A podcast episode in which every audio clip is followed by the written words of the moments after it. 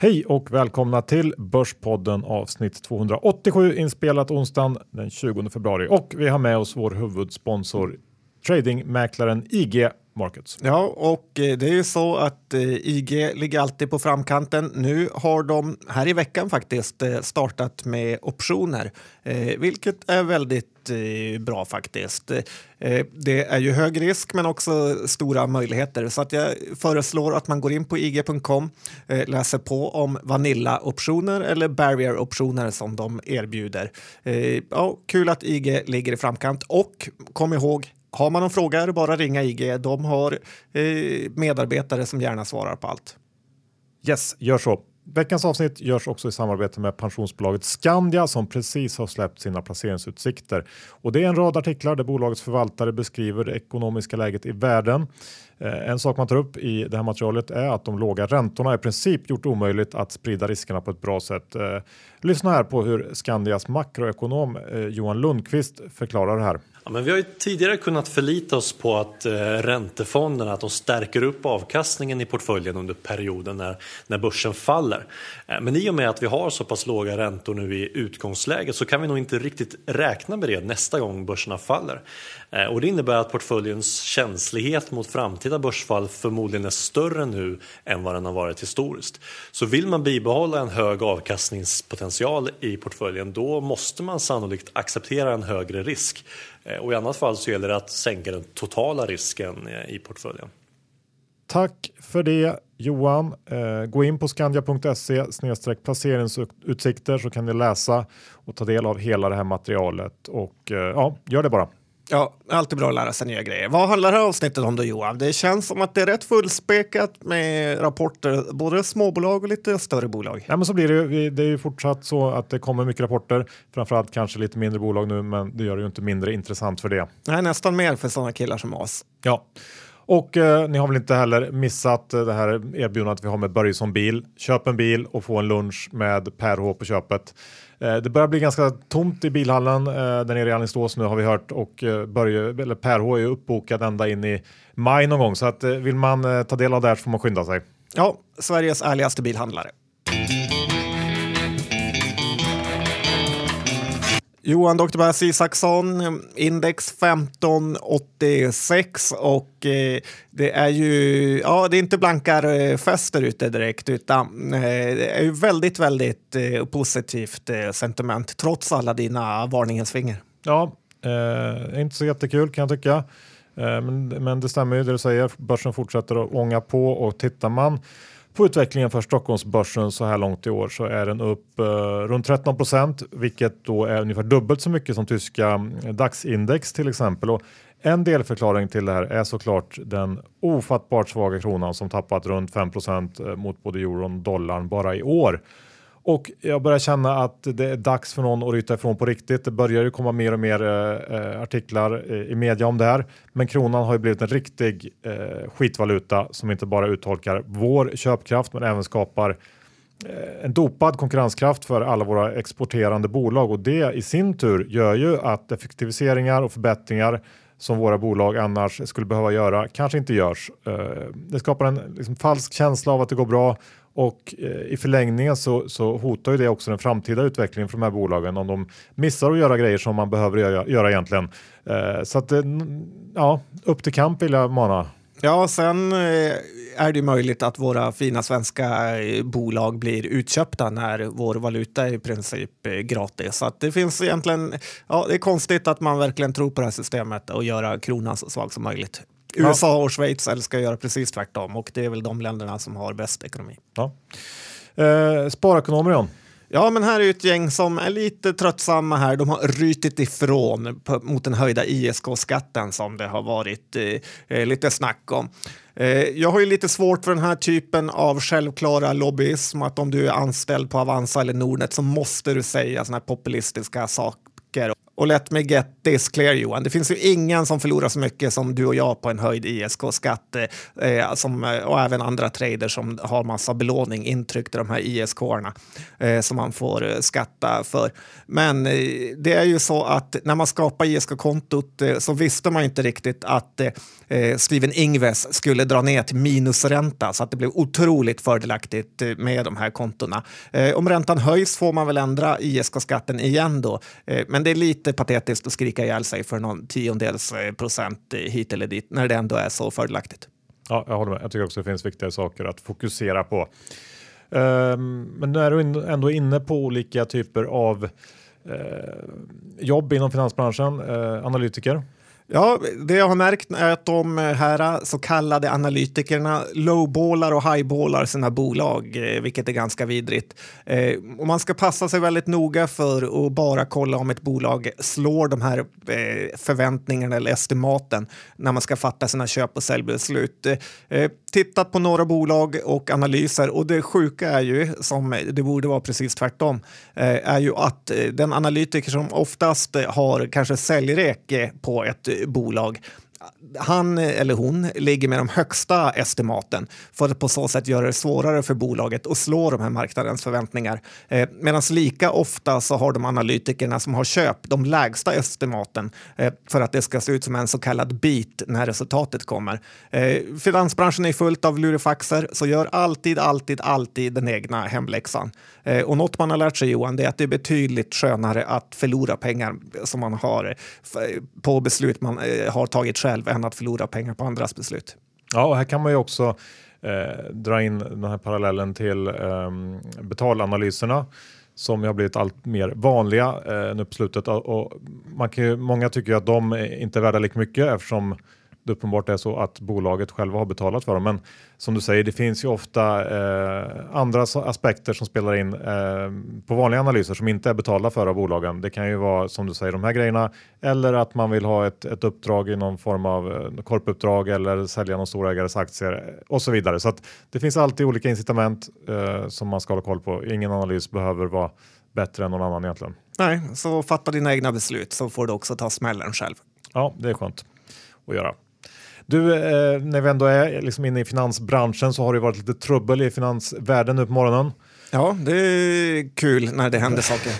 Kanske inte för vissa bolag nej, dock. Nej, men det, det kom fram att Swedbank har varit delaktiga i, i en omfattande penningtvätt och aktien rasar ganska rejält nu på morgonen och dessutom så har ju Avanza Pension åkt på en varning och rejäl, en rejäl sanktionsavgift, 35 miljoner kronor. Det är väl så vitt jag kan komma ihåg den näst största Eh, sanktionsavgiften som har delats ut. Det är väl bara Nordea som har slagit den? Ja, jag har för mig det i alla fall. Eller om det är Forexbank kanske? Kanske det också. Ja. Eh, då efter, efter stora interna brister och eh, det ska enligt uppgift då faktiskt varit nära att Avanza pension förlorar tillståndet på grund av det här. Aktien bara ner 1% nu på morgonen. Det är ju lite av ett skämt kan jag tycka. Och, men hur som helst så är det här en, en rejäl plump i protokollet för Avanza som ändå bygger mycket av sin image på att man skiljer sig från storbankerna och man är lite sådär Bror Duktig och uh, nej, det här var inte snyggt. Nej, det kommer nog ryka några huvuden där för att uh, sätta ner foten och visa att man måste göra jobbet uh, grundligt. Exakt. Och det leder oss in på EBM John. Ja, men eh, det är alltid kul att prata om dem och eh, de EBM själva brukar ju prata om när till exempel en småsparare tickar EQL Pharma så rubbas förtroendet för hela finansmarknaderna. Och det är ju en brutal lögn som eh, myndigheterna borde skämmas för att säga faktiskt. Idag, du har ju redan tagit upp det, men Finansinspektionen blev ju förnedrade idag i Uppdrag granskning som kommer ikväll då, när de har i princip skyddat Swedbanks penningtvätt här. Och så lite har man gett upp våra finansmyndigheter faktiskt. Dock så får jag ändå säga att jag ser ett ljus i mörkret Johan och det är ju att man har gett på sig Sherrys vd eh, som tokköpte aktier bara någon vecka innan den här omvända vinstvarningen. Eh, för är det något som förstör förtroendet för finansmarknaderna är, är det ju hur de här hotshotsen konstant utnyttjar småspararna eh, genom sitt informationsövertag. Eh, så eh, här får de faktiskt en pluspoäng och det är väl kanske den första jag någonsin delat ut ut till dem. Eh, det kanske också kan vara så att det här är början på slutet på den här sinnessjuka jakten eh, på småsparare och traders eh, som vi sett under en lång period och att de faktiskt vågar eller tvingas gå på de här riktiga skurkarna som ja, faktiskt oftast finns i bolagen och inte utanför. Så är det. Kan det vara så att vi har en svensk version av Chuck Rhodes som är på väg att stiga fram i rampljuset? Ja, men vi kan hoppas det. Vi stöttar honom i så fall. Vi är denna vecka sponsrade av Tessin och eh, har med oss Jonas här. Vi, vi eh, såg att eh, Tessin listades som en av Europas hetaste startups i Business Insider. Men eh, är Tessin verkligen fortfarande en startup? Om, om Spotify är fortfarande en, en startup eh, så har vi väl en 10-15 år på oss till. Eh, men det beror på hur man ser det. Vi har ju en, en välfungerande verksamhet. Vi är ett team på 23 personer idag, eh, så att vi är ett välfungerande företag. Eh, men vi växer och har stora ambitioner hela tiden. Nu går vi in i Finland. Vi håller på att lansera eh, mot institutionella investerare och då för att kunna skala upp och ta den här marknaden som, som nu öppnar upp sig i och med att bankerna börjar bli tuffare på finansieringssidan. Så att både ja och nej. Tack för det Jonas. Gå in på tessin.se om ni vill lära er mer. Ja, där kan man öppna ett konto och eh, titta på alla de intressanta projekt som finns eh, uppe för eh, investeringar om man vill bygga en fastighetsportfölj. John, då är det dags att snacka lite mer bolagsspecifika nyheter. Eh, jag tänker jag börjar och du får välja. Ska jag börja med något stort eller lite mindre? Nej, men jag gillar ju storslagna grejer, så kör något stort. Ja. Eh, då kan vi ta Saab som ju rapporterat och det här var en aktie som eh, jag hade som potentiell köpkandidat inför Q4. Jag hade till och med köpt en del aktier. Jag vet att jag har pratat en del om aktien här på kontoret. Um, och, uh, men givet då min, min rätt usla eh, börsform just nu så valde jag ändå att gå ur dagen innan rapport, vilket väl kanske bekräftar den här usla formen. Uh, för, för Saab lyckades ju prestera ett fjärde kvartal som gjorde att man då levererar på sin helårsprognos för 2018 och det var en prognos som var väldigt starkt ifrågasatt efter den här usla Q3 och den, den oväntade och kanske lite klantigt kommunicerade nyemissionen. Eh, man ska komma ihåg också att Saab är ju ett utpräglat Q4-bolag och eh, det var väl kanske ännu mer så i år än, än vad det brukar vara. Eh, men hur som helst, man, man levererar på den här prognosen och dessutom så levererar, levererar bolaget en outlook som också den var eh, lite bättre än väntat. Eh, givet att aktien har varit, varit riktigt trött på slutet eh, och det faktum att det finns en hel del blankare i den så är jag ändå lite förvånad över hur dåligt den har eh, presterat sedan rapporten. Den var i alla fall igår i princip tillbaka eh, på samma nivå som den var innan Q4, några kronor över bara. Och jag tycker faktiskt att det här känns som ett av de bättre köpen på börsen just nu, speciellt om man lägger till då att det är ju en, en, en ganska defensiv aktie, har ingenting med konjunktur och annat att göra och eh, ja, jag kan tänka mig att uh, köpa in Saab här egentligen. Jag gillar att du mässade eh, dagen innan rapport att om, du vill, om jag ville ha en säker 10 där så kunde jag köpa Saab inför rapport för du hade sålt. Ja. Så, att, så är det. Vad blev det? det var 8 va? Ja, var nästan 10. Lite fel där, men ändå. Eh, ska vi gå över till Sagax som ju har varit eh, ett fantastiskt, fantastiskt fastighetsbolag att äga under många år. Ja, det får man säga. Och jag har funderat lite på hur Sagax kan vara en sån otroligt smart affär egentligen. Eh, för de är mycket, mycket bättre än alla andra fastighetsbolag och vad liksom deras affärsidé eh, och, eh, för det här är ju faktiskt det bästa av de fastighetsbolagen som har gått att köpa. Men det är ju så att de börjar med att köpa en fastighet för säg 10 miljoner som kanske har en årshyra på en miljon eller förväntad årshyra. Men istället för att hyra ut den här fastigheten så, för en miljon då, så letar de upp en bra hyresgäst och presenterar lokalen. Eh, hyresgästen säger ja, det här ser bra ut, eh, men vi måste investera massa pengar i den för att eh, få den som vi vill och vi vill helst inte binda några pengar i, den här, i en lokal. Bra, säger David Mindus. Eh, vad sägs om att vi fixar lokalen till er, precis som ni vill, men då kostar den 2 miljoner att eh, hyra. Eh, bra deal, tycker den här hyresgästen som då slipper binda pengar och eh, får en jättebra lokal och skriver på ett långt eh, kontrakt. Eh, David Mindus går i sin tur till en värderingsman och säger att eh, det är väl P10 fortfarande de här, på, på den här lokalen, så att nu är den värd 20 miljoner. Och på så sätt kan Sagax då gå till banken och få låna ytterligare pengar för att köpa en ny lokal eh, och göra om det här tricket en gång till och en gång till och en gång till. Eh, det här har ju varit en otroligt bra eh, strategi för Sagax och ja, den känns ju rimlig ändå när man tänker på det. Man ångrar att man inte har kommit på det själv. Ja, faktiskt. Det ja, väldigt bra. Och det var ju inspirerande att se att han fortfarande våldsköper aktier även på den här nivån eh, som aktierna är. Ja, en förebild inom pilotskolan får man ändå säga att han är. Eh, David Mindus. Eh, jag tänkte vi gå över till Garo el och laddstolpbolaget Garo som vi ändå varit lite kritiska till, eh, i alla fall till värderingen under en, en ganska lång tid. De rapporterade i eh, går eller förrgår och eh, eh, lite anmärkningsvärt här var väl att, att styrelsen kvällen innan rapport valde att sparka vdn eh, med motiveringen att hans ledarskap inte är rätt och det finns ju ingen ny vd på plats än. Eh, men med tanke på det här så, så, var Q4 i sig ändå rätt odramatiskt. Man hade ju kanske kunnat vänta sig någon kalldusch där, men mm, den var väl mer eller mindre in line med vad man hade kunnat vänta sig. Däremot så tycker jag att man i vd-ordet ändå flagga för att efterfrågan inom då byggrelaterade produkter, produkter förväntas se en avmattning under 2019, vilket kanske inte förvånar så mycket. Eh, medan ladd då eh, väntas fortsatt gå starkt. Problemet här är väl att bygg fortfarande överlägset störst och värderingen speglar inte på något sätt det här, den här relationen.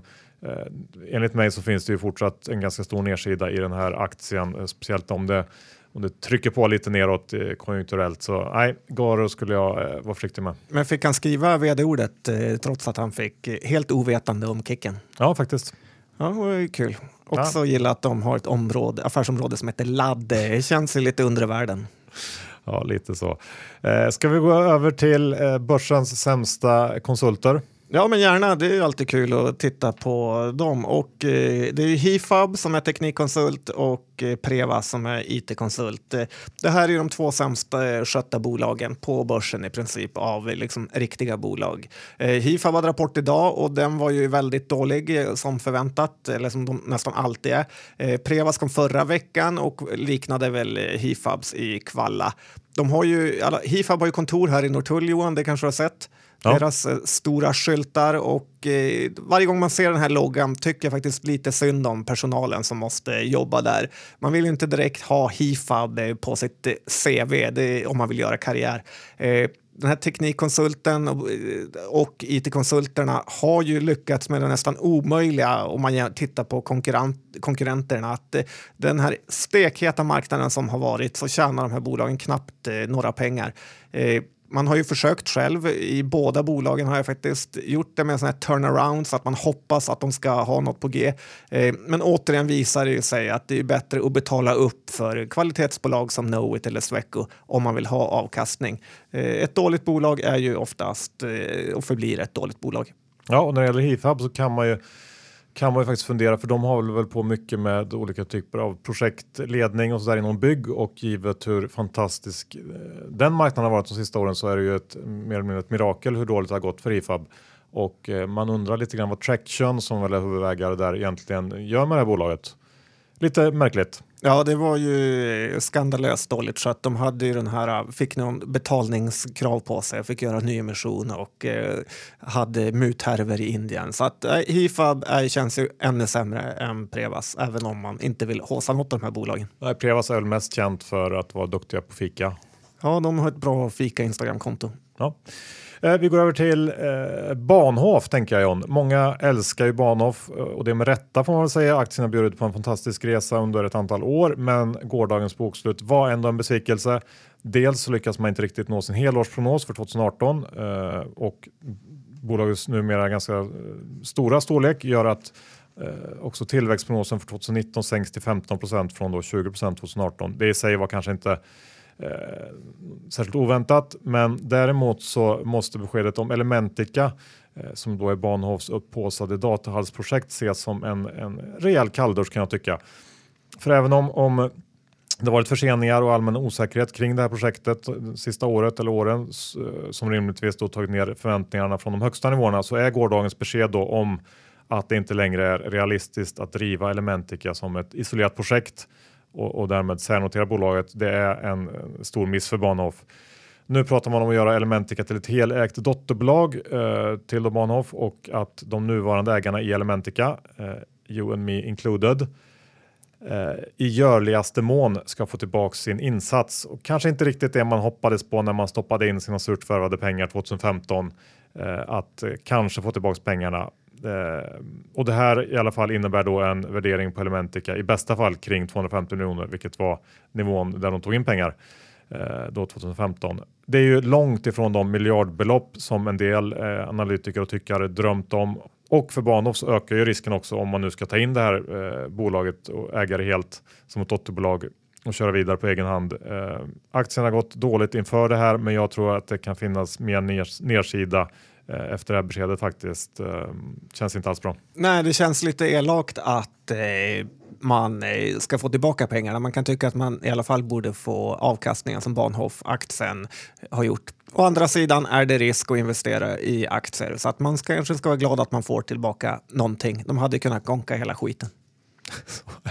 Så är det ju, får man se på det. Och när vi ändå är inne på risk, en riskfylld aktie får man ändå säga att BIM Objects är. Ja, eh, har du sett den här dokumentären 35 dagar Johan som handlar om uteliggarna? Ja, Jag vet, så att, eh, då jag vet du. direkt vad du tänker på. Ja, det är kul att hon har tagit namn efter en aktie. Eh, men det känns ju faktiskt här som att eh, EQT har blivit helt lurade av eh, ledningen i BIM här.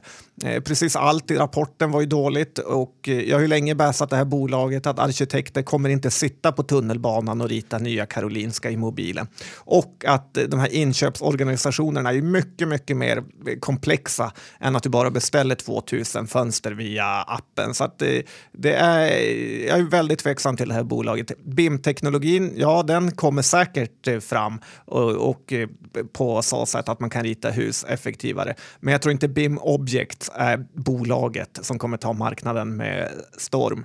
Eh, vdn har lämnat, eh, han som var entreprenör, de har problem i USA. Och eh, de har ju hela tiden presenterat användare, eh, hur många användare som har laddat ner appen och de har ju ökat hela tiden. Eh, men intäkterna ökar ingenting. Jag vågar absolut inte köpa efter raset eh, som ändå varit. Nej, jag har aldrig riktigt förstått deras rapporter. De rapporterar någon konstig skillnad mellan fakturering och omsättning. Och eh, hur som helst, det var, det var ingen fart alls på tillväxten i Q4, riktigt dåligt och jag håller med dig. Jag förstår inte det här bolaget. Det är väldigt märkligt. Det enda positiva skulle ju kunna vara att det varit en bäs i bygg och de har ofta också haft en liten svacka. Men det känns säkrare att hålla sig utanför där. Ja. När vi ändå är inne på bolag som har svackor, Oriflame är ju också ett sådant bolag. De har rapporterat, det var inte heller någon eh, rolig läsning. Nej, det är vanligtvis du som brukar prata om det här bolaget, men jag känner ändå att jag har lite input att ge här. Och eh, det var ju såklart en dålig rapport. Eh, inte så dålig för resultatet, det var väl det, mer utsikterna som eh, man var orolig för. De, aktien hade ju hämtat sig lite från förra kvartalets chock, men eh, aktien gick väl ner 10 procent eh, på den här. Eh, just för att de sa att 2019 börjat eh, lite sämre. Och jag har aldrig varit något fan av Oriflame för att jag gillar inte deras eh, produkter. Men det kanske riktigare problem än det här med är ju det här med direktsälj faktiskt. Och det är inte så att Oriflame har en välutbildad eh, försäljningsstyrka, utan det här är ju folk som är i ganska stort behov av pengar och eh, därför kan skarva en hel del eh, när det gäller med produktens nytta just för att sälja. Eh, I Kina har ju myndigheterna ledsnat lite på det här då och då och det är inte säkert att det är just Oriflames produkter eller säljare som de är irriterade på. Men eh, Oriflame blir ju drabbade av eh, när de inför sådana här restriktioner. Och ja, tittar man på Herbalife och hur säljarna säljer där så det är ju inte riktigt gossig metod kan jag tycka. Så är det ju, men å andra sidan, nu använder du lite av samma argument som eh, Bill Ackman gör eh, när han kortar eh, Herbalife och det funkar ju inte riktigt för att ja, det verkar som att man kan, man kan ändå komma undan med det på något sätt och det, det, de krånglar sig alltid ute så att jag vet inte. Men jag håller ändå med dig. Och, eh, Men skillnaden med Herbalife och Oriflame är ju att Herbalife går bra och Oriflame går dåligt. Så att, eh, ja, jag känner ändå att lite vi har- skillnad. Ja. Ja. Bra, då lämnar vi det och eh, tänkte att eh, jag tänkte prata om det bolag som jag ägnat mest tid åt senaste veckan. Vilket bolag tror du det är John? Eh, kan det vara Clas Olsson som du dagligen skickar med uppdateringar om Nej. hur tomma butiken är? Nej, det här är ett bol annat bolag. Eh, Du får en gissning till. Eh, ja, jag vet inte. Nej, det vet inte. Kul. Du har knäckt Så mig. mycket bryr, bryr du dig om mig. Men det är ju Attendo eh, som jag av en tillfällighet lyckades ta en, en position i eh, dagen innan rapport. Jag har ju precis som de flesta andra noterat den här härvan de hamnat i i Finland men tänkte att marknaden sänkte aktien lite väl mycket på det samtidigt som att eh, ja, 2019 skulle vara året då lönsamheten eh, skulle börja stärkas igen efter ett expansionstungt 2018. Eh, och jag hade ju inte på något sätt i mitt huvud kunnat föreställa mig att aktien skulle krascha 17% på den här Q4 dagen efter, vilket den ju då gjorde. Eh, och vad var det då i Q4 som eh, var som katastrof? Jo, eh, resultatet i sig var rätt dåligt, men det som framförallt bidrog till det enorma raset var ju guidningen för 2019 och 2020. Eh, som jag sa så förväntar sig marknaden att 2019 skulle vara eh, början på, på eh, vägen tillbaks lönsamhetsmässigt för att ändå, men man meddelar nu att man ser begränsade möjligheter till förbättrad lönsamhet under både 2019 och 2020 Eh, och det förklaras främst av att man missbedömt eh, utmaningarna med den här väldigt snabba expansionstakten man haft de sista åren. Eh, och mer konkret då så tar det längre tid än beräknat att fylla de äldreboenden man byggt. Och det i sin tur beror på att man i vissa enstaka fall ska man tillägga här byggt utan kontrakt från kommun, men också att konkurrensen hårdnat och att man helt enkelt byggt lite lite före den här demografi demografiska vågen som kommer eh, att komma oundvikligen. Eh, jag tror framförallt att det var beskedet om att 2020 eh, även kommer drabbas av det här som verkligen dödade aktien. Och när man lyssnade på, på Komfan så hade ledningen eh, de hade svårt att, att, förklara det här på ett riktigt bra sätt och hade inte riktigt några bra svar tycker jag. Jag förstår själv fortfarande inte riktigt varför man inte skulle kunna förbättra sig Eh, 2020 givet att då hemmen ändå fylls på eh, över tid eh, och att snittet borde bli bättre på något sätt, beläggningsgraden. Men och möjligen tycker jag att man skulle kanske från, från bolagets sida fundera på att redovisa siffror för kanske mogna respektive nystartade hem och, och, separera upp dem så att man bättre förstår den här dynamiken. Uh, ja, hur som helst så blev jag ju tvungen då att, att uh, snitta ganska rejält och uh, som tur var så, så studsade den här aktien upp rejält dagen efter rapport och jag lyckades sälja det mesta med en liten, liten vinst. Um, I grund och botten så tror jag att det här är en ganska attraktiv nivå att köpa Attendo på, men jag har just nu inga, inga aktier för att jag ja, måste fundera lite mer. Mm. Det är tuffa dagar för Martin Tiveus. Avanza och sen sänker han Attendo. Det känns lite som en otursgubbe man ska hålla sig borta från. Ja, det man kan säga om honom där var han, han köpte ju 7000 aktier eh, gånger två kanske det var. Men det är ju ändå eh, inte så att man blir superimponerad av ett sånt köp utan eh, i ett sånt här läge hade man ju velat sett eh, all in från en sån kille. Jo, det är lite sjukt att du äger tio gånger mer aktier än vad han gör. Men eh, om vi säger så här att eh, det, Attendo känns lite som att det rider för mycket på den här, man, tron med demografin. Att eh, man alltid pratar om att ja, men, eh, om 20 år är halva befolkningen 60 år och så vidare. Men det är lite samma snack som att eh, köpa H&M för att alla alltid kommer ha kläder. Eh, det är ju otroliga problem med eh, den här typen av bolag som hela tiden måste få pengar av staten för att eh, eh, tjäna pengar. Vi ser det på Academedia, vi ser det på eh, ja, andra bolag, att det blir en fight om eh, kronorna. Och det är ju någon som ska betala till syvende och sist och då är det lätt att eh, trakassera de här eh, privata bolagen. Eh, det jag tror, som du, att det går att göra bra trades emellanåt. Långsiktigt är det nog svårare än man tror att riktigt tjäna några pengar. Nej, men du, kan, du kan faktiskt ha en poäng i det du säger där John för att just den här, det här demografiska argumentet tycker jag själv är otroligt attraktivt. Men man, det kanske är lite first level att bara fokusera på det. Det finns som du säger andra aspekter också av det här. Så att um, ja, det blir spännande att följa i alla fall vad, vad de gör med Attendo uh, framöver här. Ska vi gå över till... Det hade varit lite kul om Martin Tiveus hade köpt sina aktier i Avanza i pensionsförsäkring. Som sen konkar. Ja, det hade varit tufft för honom. Men du, eh, Paradox då, för att helt byta spår. Ja, dataspel har vi alla spelat någon gång och det här var en rapport som var fin och Paradox själva skröt om rekordintäkter. Jag måste ändå säga att jag har svårt för värderingen i Paradox. Eh, de pratade om att det var så bra för att nästan alla intäkter bara kom från de här så kallade extensions, vilket är någon typ av uppgradering av gamla spel. Eller man, eh, liksom, ja, vad ska man säga? Ja, precis. Att man, man... Lägger till nya världar. Ungefär så. Eh, om man ska prata gubbspråk. Eh, eh men eh, de tjänade 3,35 förra året och det är ju ett P-tal på 47. Det måste man ändå säga är högt för att vara i princip alla branscher som finns där ute. Sen finns det absolut ingen garanti för att Paradox kommer komma med en sån här ny superhit till spel som de kommer kunna fortsätta tjäna pengar på och göra såna här extensions. Titta bara på G5 hur fort det kan gå ut för tycker jag ändå. Man ska alltid ha i minnet. Eh, sen pratar ju Paradox också om det här med hur slaggig deras intjäning är och eh, det tycker jag inte heller är något som egentligen förtjänar en premiumvärdering. Eh, och om man ska jämföra dataspelsbolag med andra branscher så tycker jag ändå att man kan titta på läkemedelssektorn. Eh, man måste hela tiden ha nya saker i pipen eh, och eh, för att kunna dels tjäna pengar på gamla spel men även få ut nya produkter. Eh, en klassisk eh, finansklyscha är att man ska lämna festen när det är som roligast och eh, jag kan ändå tycka att P47 på rekordintäkter är när det är som roligast.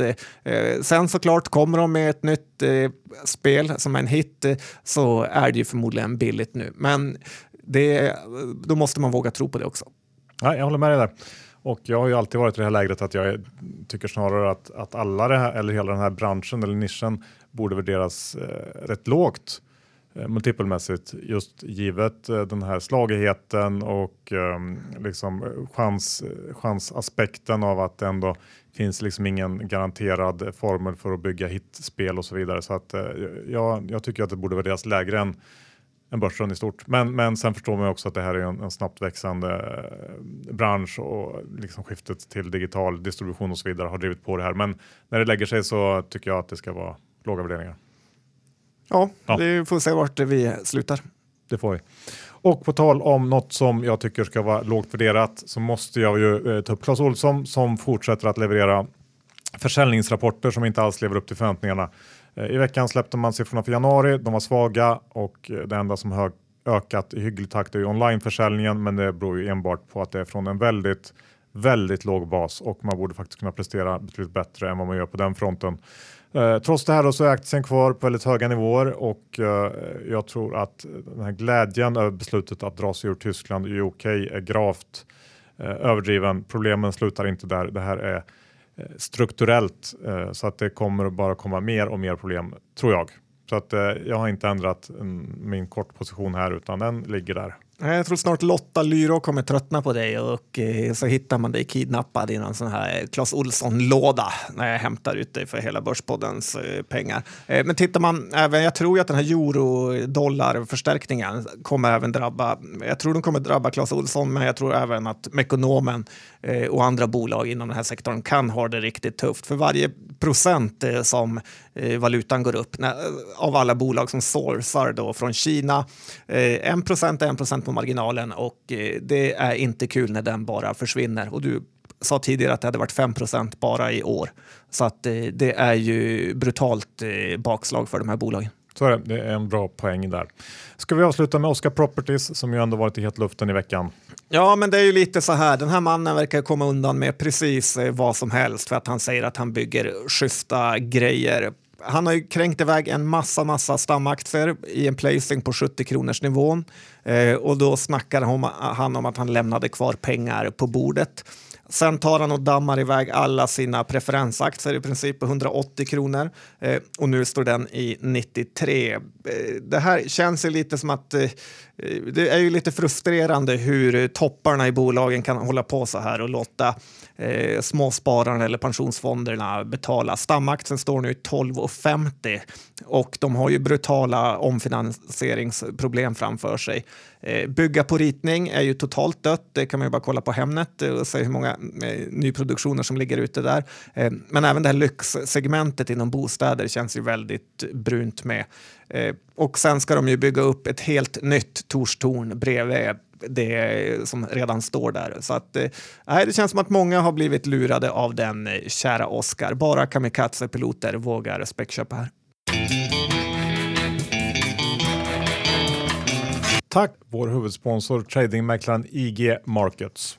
Ja, de erbjuder optioner nu. Jag tycker ni ska ta en titt och eh, öppna ett demokonto om man vill prova att latcha runt lite. Yes, gör det. Vi är ju också sponsrade av Skandia, pensionsbolaget, och de har precis släppt sina placeringsutsikter. Eh, det är för att läsaren ska få hjälp med att fatta smarta och långsiktiga investeringsbeslut och man hittar eh, de här utsikterna på skandia.se placeringsutsikter. Ja, man kan alltid lära sig mer inom eh, finansmarknaderna. Ja, Tessin är också en sponsor vi har. Vi gillar dem. Gå in på deras hemsida tessin.se och surfa runt. Ni kan öppna ett konto och ja, komma igång med att bli en egen fastighets kung. Kanske, kanske finns det en blivande David Mindus här bland lyssnarna som kan starta sin karriär på tessin.se. Ja, kanske, kanske. Ja. Och sista veckan, ni har chansen att ta del av Börjesson bil-dealen där man då får en lunch med Per H Börjesson om man köper en bil. Hör av er till Börjesson bil och be om en offert. Precis. Ja. Hur är det med innehaven den här veckan John? Jag är kort lite Clas Olsson som du lurat på mig. Eh, tyvärr gör ju uppgången att den lilla vinsten sipprar iväg. Är du plus eller minus? Lite plus kanske. Jag vet inte hur mycket det kostar att låna aktier. Men... Ja. Nej, vi bara håller tummarna där att uh, verkligheten segrar uh, någon gång. Uh, men det är samma för mig, också kort, kort Clas Olsson. I övrigt så ingenting av dem vi har pratat om. Bra. Ja, det var allt för den här veckan, eller hur? Ja, nästa vecka bjuds det på en hemlig drömgäst. Ja, faktiskt. Det var, ska bli väldigt kul att träffa honom. Ja. Tack och hej! Hej då!